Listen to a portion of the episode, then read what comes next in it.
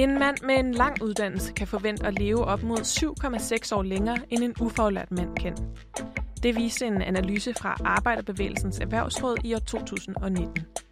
Og levetiden, den hænger tæt sammen med vores sundhed. Sundhed, som jo er en hjørnesten i velfærdssamfundet. Her der skal vi ikke have dankortet op af lommen hver gang vi går til lægen, men alligevel er der noget, der tyder på, at det danske velfærdssamfund har en markant ulighed i sundhed. En rapport fra Sundhedsstyrelsen, der udkom i september 2020, viser lige frem, at der er social ulighed i sundhed på stort set alle områder i Danmark. Men hvordan kan det være, at man selv ikke i et velfærdssamfund som det danske er kommet ulighed i sundhed til livs? Hvilke konsekvenser har det for os, både som enkelte mennesker og som samfund? Og kan vi leve med, at din sociale baggrund er det, der afgør, hvornår du dør? Vi har en fornemmelse af, at vi måske ikke får den bedste behandling, men vi kan ikke få den bedre, for der er ingen læger, der gider komme ned. Da Vinci har fire arme, jeg har kun to arme, så det er også en stor hjælp for os. Derfor har vi også krav på at få nøjagtigt den samme lægefaglige øh, ekspertise stillet til rådighed, som man har andre steder i landet. Det medicinske cannabis, som det er noget, man, man kunne blive skæv af. Øhm, afhængighed og sådan noget. Jeg oplever nogle hospitaler, der er under meget, meget stort pres, og lige klart.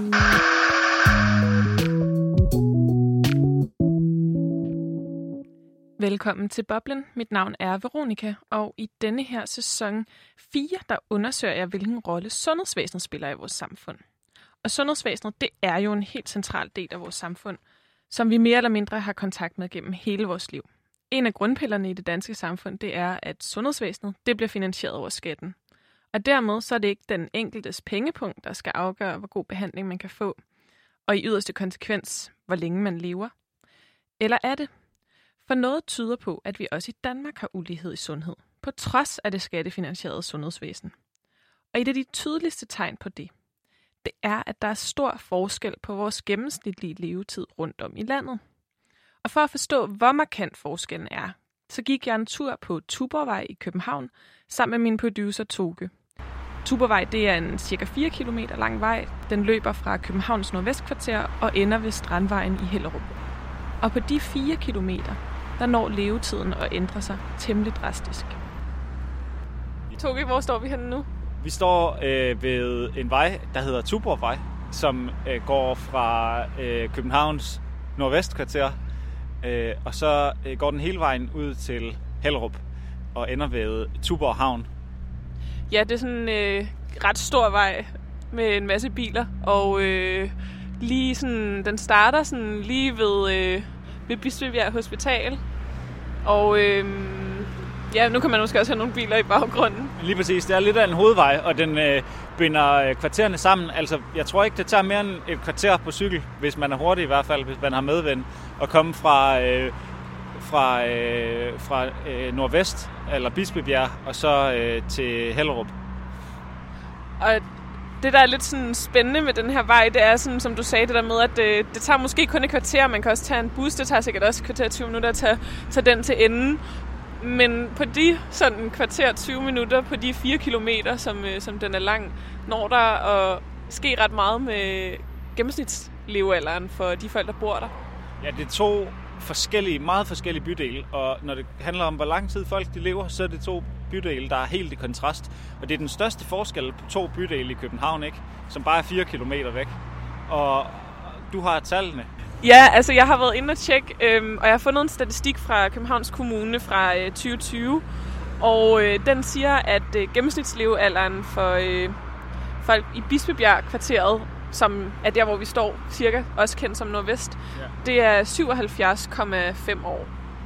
Og så kan vi jo, øh, tænker jeg, gå lidt ud af, af gaden, og så øh, nærme os en, øh, en, en gennemsnitslevealder, som, øh, som stiger ret meget faktisk. Den stiger til 83,4 år. Så det er 6 år. 6 års forskel på, hvor meget man får ud af livet. Simpelthen. På 4 kilometer.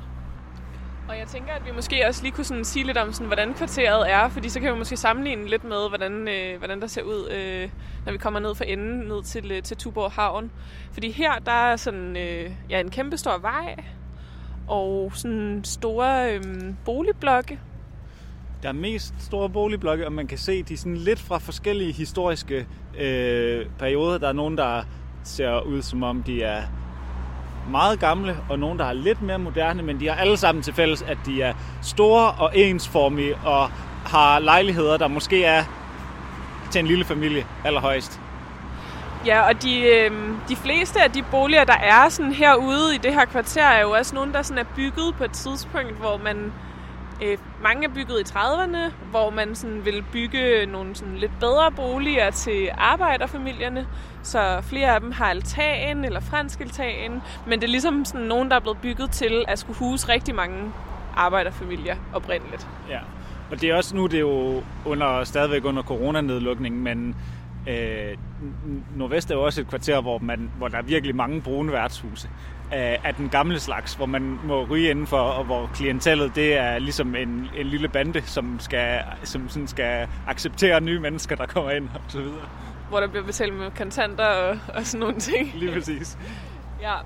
Og, øhm, ja, og så står vi over for et kæmpe parkeringshus, øh, som hører til Bispebjerg Hospital.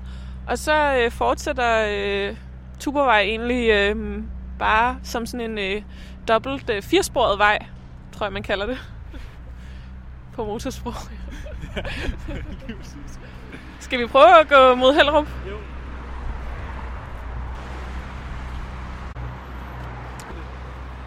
På enden af den her firesporede vej, så kommer man ud til Tuborghavn, som er en havn, og hvor man kan se dyre sejlbåde, og hvor man støder sammen med Strandvejen.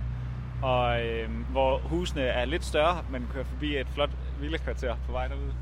Man er tæt på noget strand, hvor man kan bade om sommeren, og nogle lidt anderledes butikker, der er sådan øh, tæt på fem minutter væk fra sådan der, hvor øh, Strandvejen, sådan, øh, hvad kan man sige, sådan handelskvarter er. Og det er vel på en eller anden måde kernen af det, vi skal undersøge i det her program, hvordan at øh, 4 km forskel, det kan betyde, øh, at nogle mennesker de får 6 år mere ud af livet end andre. Det virker helt vanvittigt. Det skal vi prøve at se, om der ikke er nogen, der vil hjælpe os med at finde ud af, hvordan det kan være i et velfærdssamfund som Danmark. En simpel gåtur på 4 km illustrerer, at vi også i velfærdssamfundet Danmark lever med en social ulighed, som er så konkret, at den kan ses i, hvornår folk dør. De velstillede de får simpelthen flere leveår end de dårligst stillede. Men det er ikke kun forskellen i levealder, der peger på, at vi har ulighed i sundhed i Danmark. I september 2020 der udkom der en rapport fra Sundhedsstyrelsen, og dens resultater har for alvor overrasket mig. Den peger nemlig på, at der er social ulighed i sundhed på stort set alle områder i Danmark. Og derfor så har jeg sat mig for, at i det her program, der vil jeg undersøge, hvordan det kan være, at vi på trods af velfærdsstaten har ulighed i sundhed i Danmark. Og for at starte med at få et overblik over, hvad vi egentlig ved om ulighed i sundhed, så kontaktede jeg Søren Valgren Knudsen. Han er selv uddannet læge, men det, som jeg synes var mest interessant ved at tale med Søren, det er, at han netop er ved at afslutte et phd forløb og der forsker han i ulighed i sundhed. Han ser især på det blandt psykiatriske patienter, men han ser også på det mere generelt. Og derfor så lavede jeg et videoopkald til Søren, som befinder sig i Aalborg. Og først spurgte jeg ham, om der overhovedet findes ulighed i Danmark. Og det svarede han ja til. Øh, overordnet set så ja. Sundhedsstyrelsen har sammen med forskere fra Syddansk Universitet her sidste år udgivet en meget, meget, meget omfattende rapport, der viser, at både i overordnede begreber som dødelighed og forventet levealder osv., så er der en social ulighed, og en stigende social ulighed faktisk også. Og så inden for en lang række sygdomsspecifikke øh, områder er der også forskel og uligheder i sundhed. Men Søren sagde også, at vi bliver nødt til at gå lidt i dybden med, hvad ulighed det overhovedet betyder. Ja, og faktisk også, hvad sundhed betyder. Man kan sige, når man snakker, det vi som, som regel snakker omkring ulighed i sundhed, det, øh, man kan snakke om geografisk ulighed i sundhed, og så kan man snakke om det, der hedder social ulighed i sundhed, og det er det, jeg øh, har brugt mest af min tid på. Og hvis man dissekerer det lidt yderligere, så kan man sige, hvad, hvad betyder det, når vi snakker om, om social? Og det kan man sige, når vi sammenligner tilfældige individer og deres sundhed, så forventer vi jo også, at der er øh, nogle forskelle. Øh, det kan være fordi de er født med forskellige genetisk materiale. Det kan være, fordi de har en forskellig alder osv. Så, så, så man kan godt forvente forskelle mellem individer. Så når vi snakker om social ulighed, så er det, når vi kigger på forskellige måder at opdele samfundet i grupper. Så det kan være baseret på demografi, altså det kan være på køn, eller på etnicitet, eller på andre øh, karakteristika, øh, som man ligesom er født med, eller det kan være øh, på baggrund af socioøkonomiske faktorer. Altså ofte er det uddannelse, vi kigger på, men det kan også være indkomst, job, markedsstatus osv. Øh, så, så, så når vi snakker om social ulighed, så snakker vi om forskelle mellem grupper.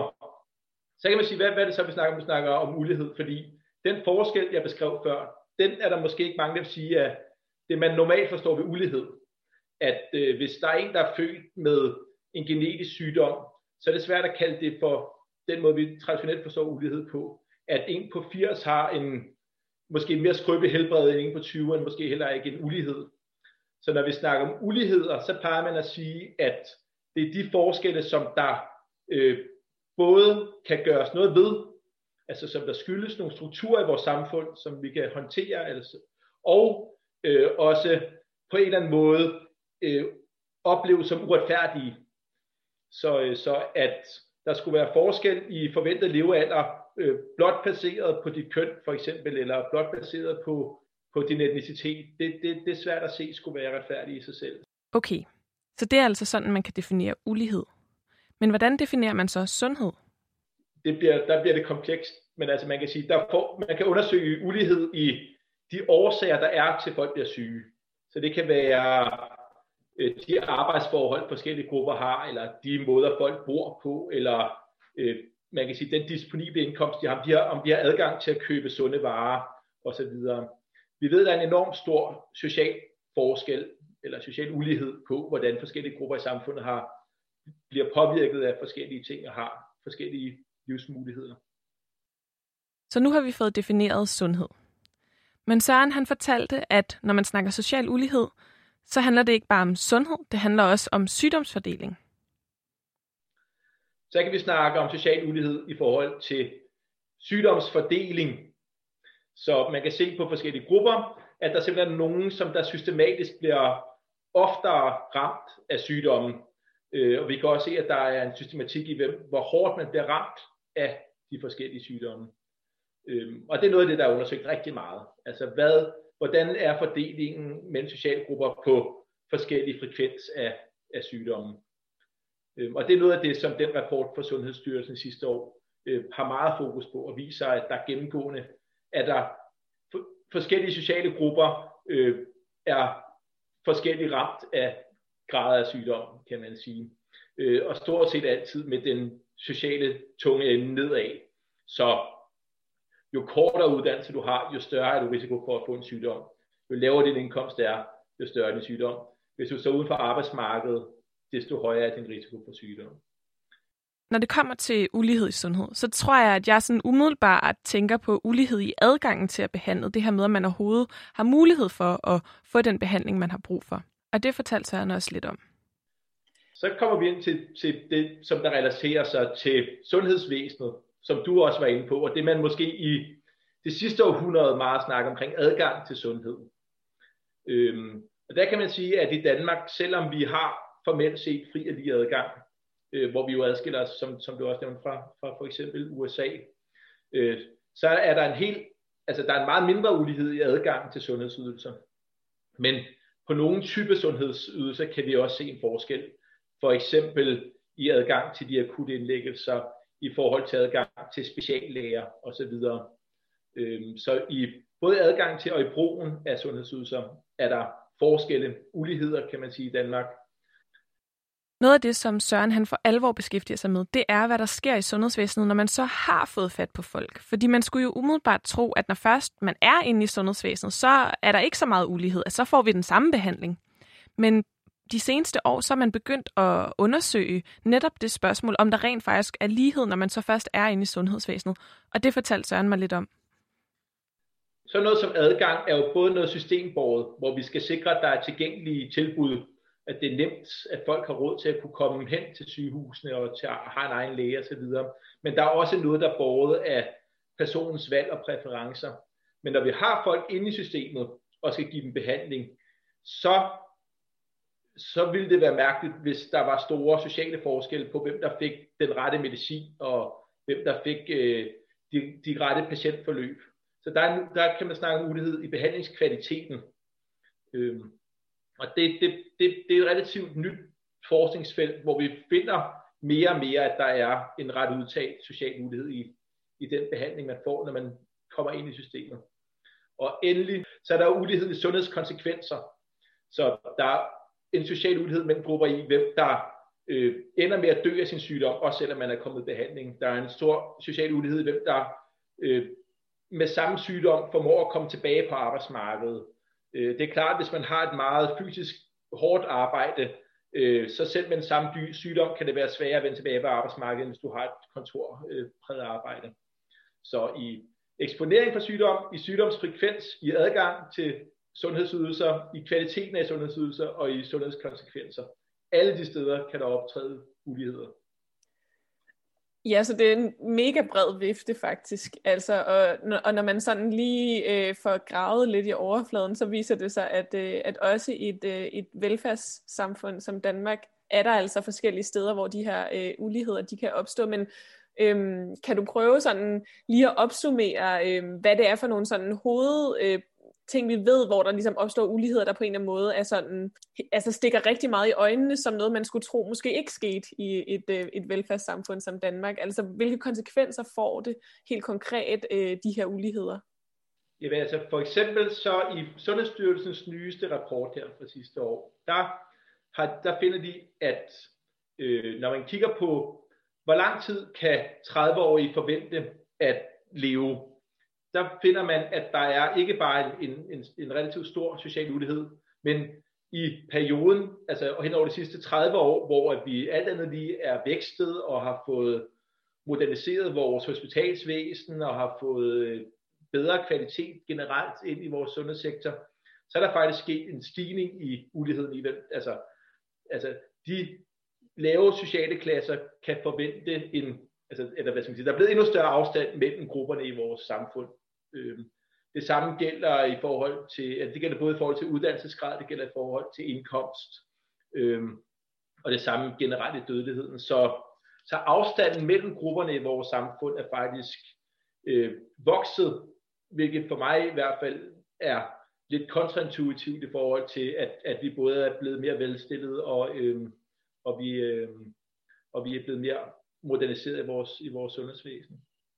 Ja, det overrasker også mig. Øh, det strider også lidt imod netop den her sådan, idé om, at vores sundhedsvæsen øh, bliver bedre og bedre i takt med også teknologisk udvikling og forskningsmæssige øh, sådan landvindinger.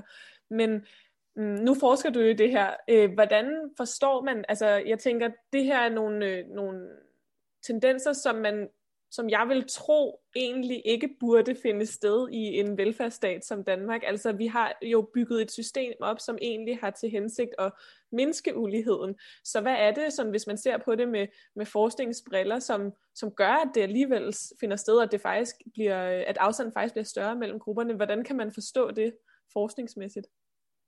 Jamen, altså, det er, jo, det, det er derfor, det er vigtigt at få et meget bredt syn på, hvad sundhed er fordi ofte har vi et meget snævert fokus på sundhed som noget, der sker inden for sundhedssektoren.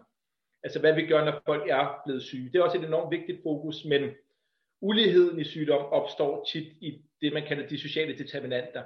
Altså i alt det, der ligger uden for øh, de, de, de fleste af de vurderinger på, hvad der har effekt på sundhedskonsekvenserne, viser, at det måske kun er stedet mellem 10 og 20 procent af den effekt, som sundhedsvæsenet har.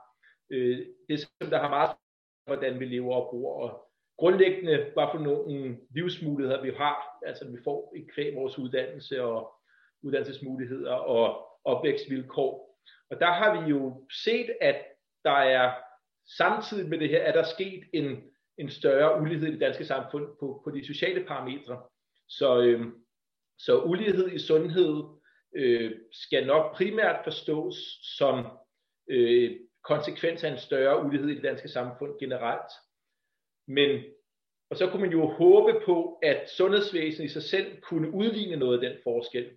Men vores forskning indikerer faktisk tværtimod, at meget af den ulighed bliver forstærket i sundhedsvæsenet. Så hvis du øh, er dårligt stillet socialt øh, i dit normale liv, så på en eller anden måde, så, øh, så bærer du den sociale position med dig ind i sundhedsvæsenet, og så vi sundhedsprofessionelle kommer på en eller anden måde til heller ikke at behandle det lige så godt, som, øh, som øh, vi gør med måske øh, øh, jura-professoren, der kommer ind ad døren. Så, øh, så sundhedsvæsenet i nogle tilfælde faktisk bare forstærker faktisk bare den sociale ulighed. Hvor skal man starte henne, hvis man skal prøve at gøre noget ved det her, øh, det her problem, hvis man skal prøve at komme uligheden til livs? Ja, altså, man skal starte alle steder. Der var sådan en, det var faktisk en dansk øh, formand for WHO tilbage i 80'erne, som der formulerede det her princip om health for all og sundhed i al politik. Så, så man, skal, man skal starte der, hvor man kan starte, men der er ingen tvivl om, rent politisk set, at de tiltag, hvor man starter meget tidligt i folks liv, øh, sikrer, at børn ikke vokser op i for meget armod, sikrer, at der er nogle ressourcer omkring de familier, som der ikke helt, øh, som der har brug for, for hjælp osv. Det, øh, det er det, som der på den lange bane har den allermest udtalte effekt. Og det ved vi faktisk, fordi at det engelske Labour øh, parti tilbage i, i, i starten af det her årtusind satte en konkret målsætning om, at man ville reducere ulighed i sundhed øh, ved at lave mange af de her tiltag. Og det man faktisk så, det var, at det havde en effekt. Så det er eneste rigtige periode i nogle af de lande, vi rigtig har kigget på, hvor, at, hvor at man har kunne registrere en reduktion i ulighed i sundhed, det var faktisk, at de her programmer begyndte at slå igennem. Desværre, set fra en sundhedsmæssig syg, øh, kan man sige, øh, sundhedsmæssigt perspektiv, så, så kom der så øh, finanskrise og øh, besparelsesreformer osv., så, så kunne man faktisk registrere, at så steg uligheden i sundhed igen. Så der var en ret god øh, association der mellem, mellem indgreb, som der især omhandlede at skabe bedst mulige vilkår i børns tidlige liv, og, og en reduktion af ulighed i sundhed. Så der er et godt sted at starte. Men man bliver nødt til at tænke det her ind i alle områder. I socialpolitikken, i uddannelsespolitikken, i beskæftigelsespolitikken, og så i vores sundhedspolitik, øh, hvis, hvis vi virkelig vil gøre noget ved det umiddelbart så tror jeg, at øh, når man er vokset op her i, i Danmark, at så taler vi jo i mange forskellige sammenhænge omkring, at vi skal bryde social arv.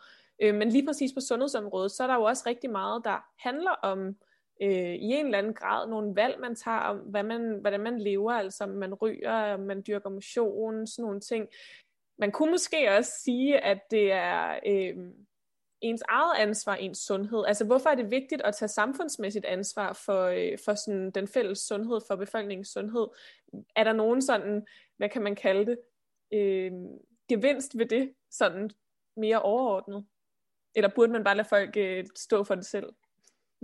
Det er jo i hvert fald den, den tanke har jo været meget fremtrædende i Danmark i de sidste årtier øhm, og har jo til synligheden ikke haft en effekt. Altså så noget som oplysningskampagner osv., som der jo bygger på, at alle mennesker handler rationelt og kun øh, efter at optimere egen sundhed og så videre, øh, har vist sig bare at styrke, eller hvad skal man sige, forværre uligheden i den forstand, at der er nogle af dem, som der har deres på det tørre og har en god lang uddannelse og har råd til at købe sunde varer og ikke er kronisk stressede, så de får lyst til cigaretter og så videre, de, de tager informationen godt til sig og lever derfor meget længere, hvor at dem i, i, i vores samfund, som der måske er, er en usikker position på arbejdsmarkedet, som der ikke ved, hvor lønnen skal komme til, som der desuden, du ved, måske skylder penge, eller er ravet uklar med, med, med folk, eller på en eller anden måde lever et meget mere stressende liv. De, de har ikke,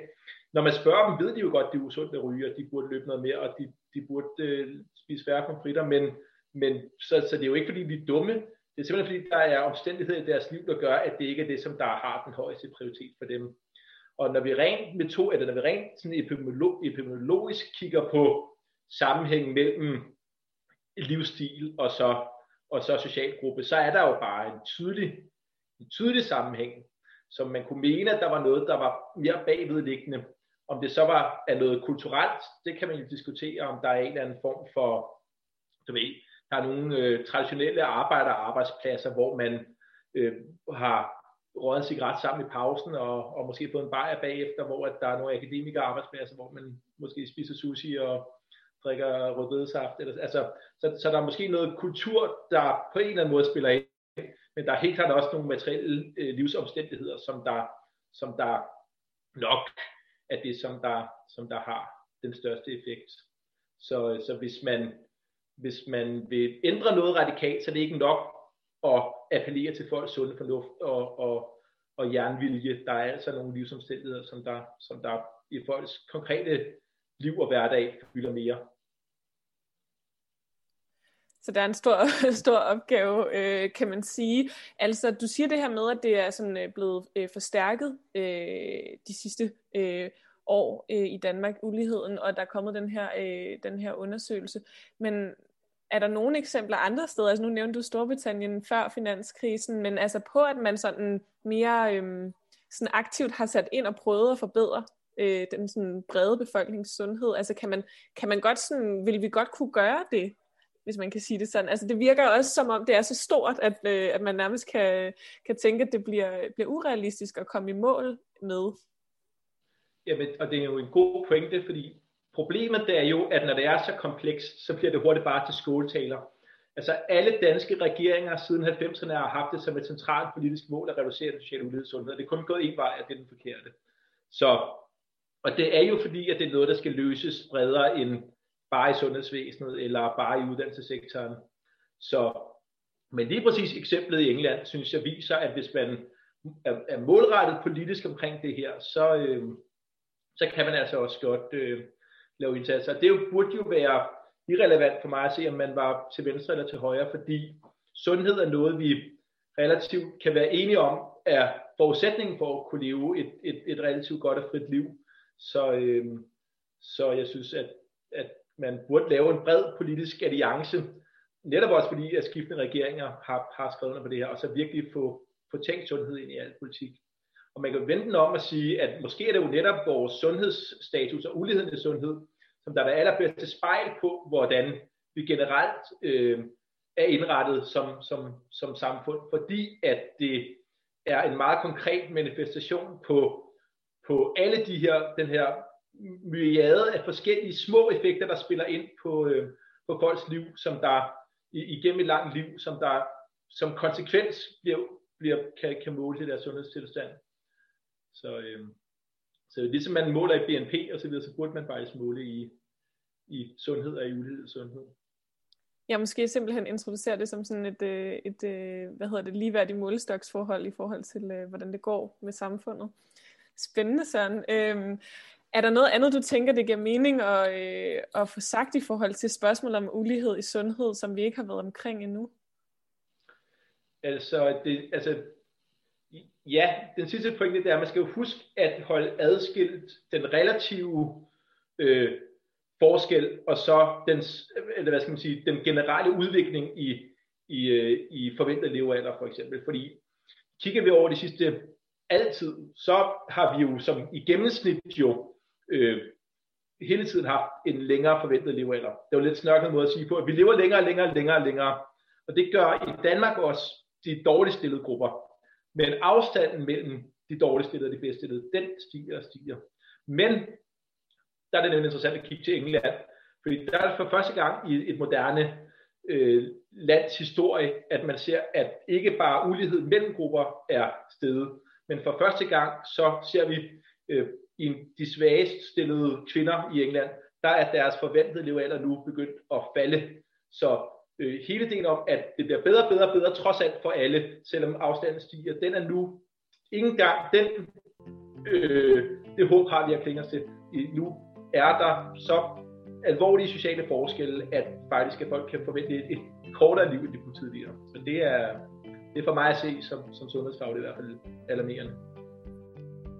Søren kunne altså fortælle, at uligheden den ikke bare findes i Danmark, men at afstanden mellem de bedst og dårligst stillede endda er blevet større. Og så kunne han også fortælle, at det ikke er nok at se på ulighed i sundhed med et snævert fokus på sundhedsvæsenet. Man er simpelthen også nødt til at tænke det ind i en hel række andre områder i samfundet, hvis altså man vil gøre noget ved det. Men det, som jeg bed allermest mærke i, det er, at Søren peger på, at det måske er på tide at droppe den her forestilling om, at vi befinder os i sådan en evig udvikling, hvor samfundet og vores livsvilkår de bare bliver bedre og bedre. I rigtig, rigtig mange år, der har vi set, at levetiden den er steget. Men levetiden den stiger ikke længere lige så meget for de grupper, der har den laveste levetid i Danmark. Og i England, der har man ligefrem kortlagt, at levetiden over de seneste 10 år i perioder har været faldende blandt de mest udsatte kvinder i landet. Jeg synes virkelig, det lyder som om, at der er et akut behov for at sætte ind over for den sociale ulighed. Men da Søren han beskrev, hvad man kan forstå ved ulighed i sundhed, fortalte han, at der også findes en anden måde til ulighed på, nemlig geografisk. Og jeg kunne godt tænke mig at zoome ind på, hvordan ulighed i sundhed tager sig ud, når det er selve geografien, der skaber barriererne. Og hvordan ser ulighed i sundhed mere konkret ud? Hvordan er det for eksempel at stå som læge og kunne se, at der er nogle patienter, som ikke får en lige så god behandling, som de kunne? Det besluttede jeg mig for, at jeg vil tale med Sten Fagerberg om. Han er læge, Ph.D., og så er han ved at blive speciallæge i anestesi. Han er også bestyrelsesmedlem i Sund Fornuft, Tænketanken for Sundhedspolitik, og altså en læge, som gerne vil blande sig i, hvordan vores sundhedsvæsen det skal se ud i fremtiden. Og så har han en helt konkret erfaring med at arbejde som læge steder, hvor geografien den også spiller en rolle, når det kommer til ulighed i sundhed. Så ham tog jeg en snak med over telefonen. Vil du ikke øh, fortælle mig lidt om, på baggrund af din erfaring, hvordan har du oplevet, at ulighed i sundhed er kommet til udtryk for dig, altså som læge? Hvordan møder man det så? Uligheden i sundhed ser vi faktisk, øh, når vi møder patienten første gang til deres samtaler, inden de for eksempel skal bedøves, eller inden de skal øh, indlægges.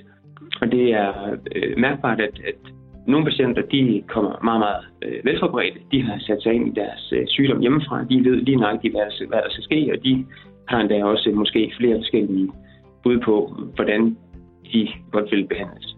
Og så er der den anden gruppe, som kommer ind uden nogen forudsætninger for at kunne have øh, læst sig til, hvad der skal ske, eller have det overskud i dagligdagen. Og det, der er vigtigt for os som læger, det er jo at kunne tilbyde begge patientgrupper et, øh, et godt øh, behandlingsforløb. Problemstillingen opstår jo, når at nogle patienter de går ind og øh, ikke har sig selv med, eller ikke har mulighed for at kunne vide fuldstændig, hvad det er, der, der kommer til at foregå, men egentlig bare lade det hele køre på autopilot.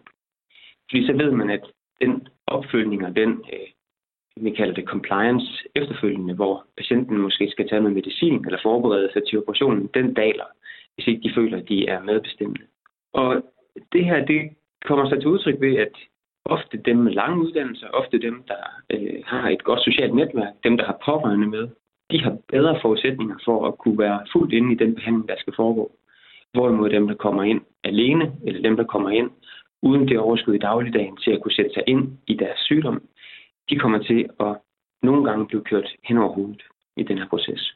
Og det er meget, meget vigtigt, at, at vi ligesom får, øh, får øh, tilrettelagt behandling i det danske sundhedssystem, så patienter fra alle øh, samfundets lag, de bliver mødt i øjenhøjde. Ja, og det synes jeg jo også er interessant, øh, når du siger, øh, Sten, fordi at jeg har jo også øh, talt med, øh, med Søren Valgren Knudsen, som jo har peget på det her med, at man jo faktisk kan se helt, øh, hvad kan man sige, konkret, at, øh, at det er for eksempel, når man har øh, er ufaglært, eller hvis man har en kortere uddannelse, så er der simpelthen nogle helt tydelige øh, effekter øh, i forhold til sundhed. Altså man øh, har større risiko for at blive, øh, blive alvorligt syg, man har større risiko for at dø tidligere. Altså der er ligesom de her ret, øh, ret hæftige konsekvenser, som, som jo så kommer til udtryk på en eller anden måde, også i samtalen med, øh, med lægen. Og det, det synes jeg er, er interessant. Altså, hvad stiller man op som læge så i, øh, i den situation? Fordi øh, selvfølgelig øh, kan den enkelte læge jo øh, gøre sig umage og gøre, hvad man kan, men jeg forestiller mig, at I jo også har begrænset øh, tid, for eksempel, til den enkelte patient. Altså, hvad, hvad er det for nogle, hvad kan man sige, øh, barriere, der måske kan være for så at, øh, at lykkes øh, med, med at give de bedste øh, forløb til alle patienter? Et af de problemer, som vi har, det er jo, at, at der jo ofte bliver sat det samme mængde tid til øh, patienterne, øh, når vi møder dem. Og, og når man taler lighed i sundhed, så kan man jo være rimelig hurtigt til at sige, jamen lighed i sundhed, det er, at alle patienter de får 15 minutter sammen med lægen, inden de skal øh, bedøves for eksempel. Men i mine øjne, der handler det om, at, at øh, hvis vi skal lave ægte lighed i sundhed, så bliver vi nødt til at kunne identificere, hvornår er det, vi har behov for at bruge en halv time for at nå samme resultat ved en patient, som, øh, hvor øh, altså nogle patienter bruger 15 minutter på at føle sig velinformeret og øh, velforberedte og patientsikkert kunne blive bedøvet, hvor nogle patienter øh, de skal bruge, lad os sige, øh, det dobbelte.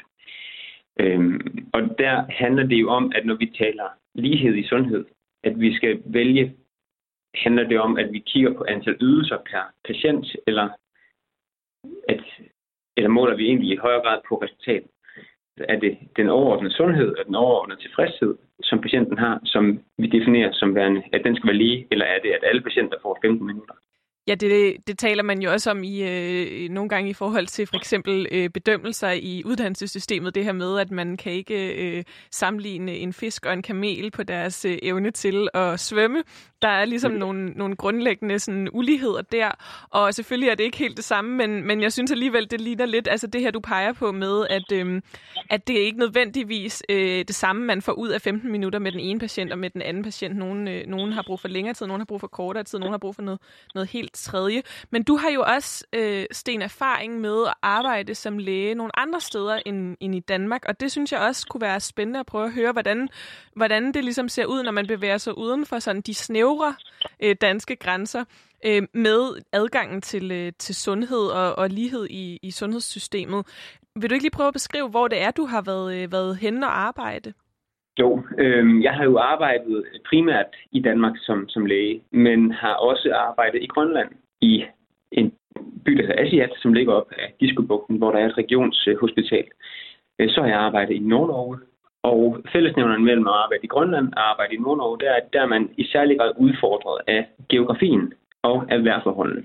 Og hvis vi lige tager de to steder og sætter i relief til Danmark, så øh, bor vi jo i et fladt land, hvor at man kan komme fra den ene ende til den anden forholdsvis ubesværet, og vejret er sjældent en begrænsende faktor. Men hvis vi bevæger os til Grønland eller til Nordnorge, så vil du ofte have den situation, at patienter kan bo steder, hvor at sundheden ikke kan komme frem. Og der møder vi igen det, som jeg vil kalde uligheden i tilgangen til sundhedsvæsenet, at øh, jamen, sygdommen, som vi ved skal behandles inden for få timer, det kan bare ikke altid lade sig gøre i for eksempel Grønland. Fordi det vil tage 8 timer at komme ud til patienten, og det vil tage 8 timer at få patienten ind på sygehuset. Og det kan være enten fordi, at man ikke kan lande der med helikopteren, eller at øh, den lille øh, flod, man skal op af, den er frosset til, øh, til is, eller det kan være af andre øh, årsager. Og derfor så, det handler ikke altid om patienternes øh, øh, sociale øh, status som sådan. Det handler lige så meget om, om geografien og om, hvor de vælger at bosætte sig.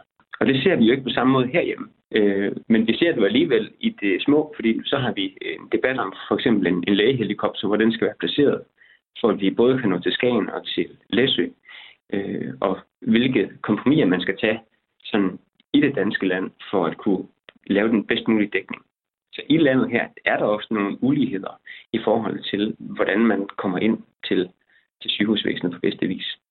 Ja, så det er faktisk ikke kun, eller hvad man kan sige, ikke i sig selv bare øh, at se på, hvad kan man sige, den enkelte patients sociale baggrund. Der er også øh, et spørgsmål om, hvor har man bosat sig henne, eller hvor har man mulighed for at bosætte sig henne, og hvad er der af tilbud og, og muligheder der. Og altså eksemplerne med, med Grønland og, og Nordnorge er jo... Øh, er jo særlig, fordi det er jo er sådan nogle kæmpe afstand, især i, i Grønland, som jo er et gigantisk øh, land sammenlignet med, øh, med Danmark. Men jeg tænker på, at netop i Grønland er der jo, der har vi jo, øh, der er jo et rigsfællesskab, øh, som, øh, som Danmark og Grønland begge er en, øh, en del af, og, og øh, jo på en eller anden måde skulle man tænke, at der vil være en lighed mellem øh, det system, vi kender i Danmark, og, øh, og så sundhedssystemet i, øh, i Grønland. Altså, Hvordan tænker du omkring det her med sådan som læge at komme fra, øh, fra Danmark og så til Grønland og opleve øh, sundhedsvæsenet der? Altså, er der også nogle ting i forhold til, hvad kan man sige,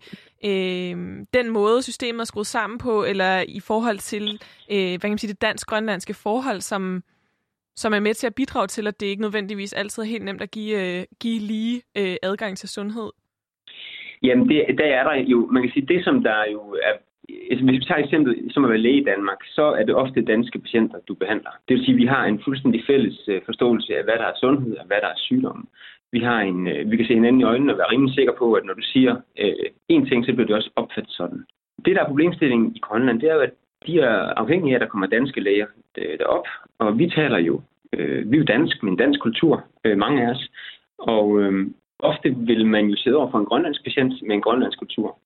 Og selvom at det grønlandske øh, befolkning er enormt øh, gæstfri og har taget imod de danske læger rigtig, rigtig øh, med, med åbne arme, så er der en, en lille snært af noget øh, konflikt, som ligger tilbage i, øh, fra den gang, hvor man jo øh, har ligesom påduttet dem en kultur og en måde at leve på. Og derfor, når man sidder over for den grønlandske patient og forsøger at give dem den bedst mulige sundhed, så kan man ramme helt skævt. Og det handler om, at man ikke nødvendigvis som læge i Danmark forstår, hvad det er for nogle dynamikker, der, der bevæger sig rundt i det grønlandske samfund. For eksempel, så jeg ved, da jeg arbejdede op, at det der med at få tilbudt smertedække af en dansk læge som grønlænder, det kunne være øh, forbundet med øh, skam eller det kunne være forbundet med øh, trodsighed, fordi at det vil være et tegn på svaghed at vise over for en dansk læge, at man har behov for smertestillende. Og, og det er jo noget, som er enormt vigtigt for, at man overhovedet kan blive mobiliseret efter øh, for eksempel et, øh, et brud på benet, eller, eller at man kan komme i gang på job igen. Det er jo, at man tager imod den behandling, der bliver tilbudt. Men det understreger jo også, hvor vigtigt det er for danske læger at forstå den kontekst, vi bevæger os i som klinikere. Og der har vi jo enormt meget at lære i forhold til at arbejde i en så fjern øh, øh kontekst, øh, rent øh, kulturelt, som Grønland jo er, fordi de, øh, de er jo på ingen måde, øh, gudskelov, øh, danskere, fordi de lever jo i, i, i en, en grønlandsk kultur med en, en grønlandsk sygdomsforståelse. Øh, men, øh, men en vigtig pointe, synes jeg, det her med, at der jo også er øh, nogle øh, historiske magtforhold, også, øh, som jo også rækker ind i, i nutiden, og, øh, og som også kan influere helt ned på det, det nære møde mellem patient og læge. Altså nogle ting, som jo ellers er nogle rimelig store, komplekse øh, problemstillinger. Altså øh, Danmarks kolonisering af Grønland er et, et, et gigantisk felt, som får betydning på alle mulige forskellige øh, felter også i dag. Og, øh, og interessant også, sådan, at man på en eller anden måde møder det helt konkret i, øh, i sundhedsvæsenet, og det er med til også at forme den, øh, den tillid, der er til, øh, til sundhedsvæsenet fra fra den enkelte patient. Jeg tror gerne, jeg vil prøve at vende lidt tilbage til det her med øh, de her sådan lidt mere øh, generelle strukturer, altså hvor det simpelthen er noget, er noget større, noget man måske ikke som enkelt læge er herre over, som, øh, som går ind og påvirker øh, den, øh, den enkelte patients adgang til sundhedsvæsenet, altså for eksempel geografien, som, øh, som du nævner. Jeg tænker på, hvad man, øh, hvad man stiller op, når man, øh, når man som læge Altså, øh, står der og, og kan se, at der for eksempel er en, øh, en geografisk barriere, som gør, at, øh, at patienterne ikke får den behandling, som de øh, jo egentlig øh, burde få øh, fra ens faglige vurdering, eller hvis man på anden vis kan se, at der er, altså det ved jeg ikke, begrænsede ressourcer til at kunne, kunne give den bedste behandling. Hvad, hvad gør man så som læge, eller hvordan har du, øh, du reageret, Sten? Altså får man ikke lyst til at sådan, øh, ja det ved jeg ikke, ruske lidt op i nogle ting? Jo, det, det, det gør man jo, og det er også netop derfor, at vi for cirka et, øh, et års tid siden øh, valgte at skabe øh, Tænketanken Sund Fornuft, som arbejder lige netop med at komme med idéer til, hvordan vi mennesker øh, uligheden i det danske sundhedssystem. Øh, Tænketanken er jo øh, sin vedtægtsbestemt øh, grundlagt med det formål at sikre lige øh, lighed i og omkring sundhedsvæsenet for alle, der bor her i øh, Danmark. Men det er jo stadigvæk enormt svært, fordi lad os nu tage et eksempel med, at, at vi siger, jamen, nu er Danmark jo et, et, et, et, et ikke så godt eksempel rent geografisk, men lad os sige, at det er et stort problem med, med afstandene i Danmark, og vi så siger, jamen, vi skal have øh, patienterne tættere på de store centrale sygehuse, fordi det er der, den centraliserede behandling er. Og vi ved, at øh, folk, der bor ude langt fra sygehusene, de har en øget dødelighed. Så kan man jo øh, være tilbøjelig til at anbefale folk at flytte ind til byerne. Men så er der jo også et andet argument, der siger, at folk, der bor i byerne, de har større risiko for at omkomme i øh, trafikuheld. Øh, der er større incidens af luftforurening i byen. Det kan være et problem for folk, der er lungesyge osv. Så, så vi skal altid tage i betragtning, at, at når vi ser på én ting, nu ser vi så på afstand, så bliver vi nødt til også at kunne vægte det op imod de andre ting, der påvirker sundheden. Sten Fagerberg kunne altså fortælle, at man som læge mærker ulighed i sundhed allerede i det helt nære møde mellem patient og læge. Og så gav han også et indblik i, hvordan geografi, historiske magtforhold, tillid til sundhedsvæsenet og social baggrund, det alt sammen er faktorer, som præger, hvilken behandling den enkelte modtager, og som risikerer at skabe uligheder i sundhed. Og selvom vi lever i et velfærdssamfund, der har som en af sine grundpiller, at vi har lige adgang til sundhed, så er det ikke tilfældet. Faktisk tværtimod. Afstanden på Tubervej den er godt på vej til at blive større. Og hvis vi vil i en anden retning end det, så tyder alt på, at der er brug for handling. Men hvad skal det være? kan vi overhovedet gøre noget? Søren han sagde, at ulighed i sundhed det kan fungere som en temperaturmåler på, hvordan samfundet i det hele taget har det. Men hvis det er tilfældet, så synes jeg ikke, det er den mest fortrøstningsfulde måling. Hvis man har talt om at komme ulighed til livs i rigtig mange år, og uligheden den bare er blevet intensiveret, er der så overhovedet noget, vi kan gøre? Jeg vælger at tro på, at det må der være. Derfor vil jeg i næste afsnit se nærmere på, hvordan uligheden den rammer, når det kommer til de grupper af borgere, som rammes hårdest af ulighed i sundhed i Danmark. Og jeg vil også prøve at spørge nogle af dem, der arbejder for at bekæmpe uligheden i sundhed, hvad de mener, der skal til, hvis vi skal sikre lighed i sundhed for alle borgere i landet.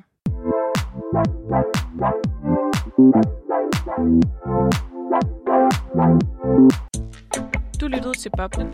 Programmet er produceret af Danske Studerendes Fællesråd. Programmets vært var Veronika Arnsbøl Schulz.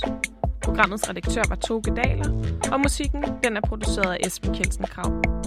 Tak til Søren Valgren Knudsen og Sten Fagerberg. Tak til Sund Fornuft, Tænketanken for Sundhedspolitik, og tak til jer, der lyttede med.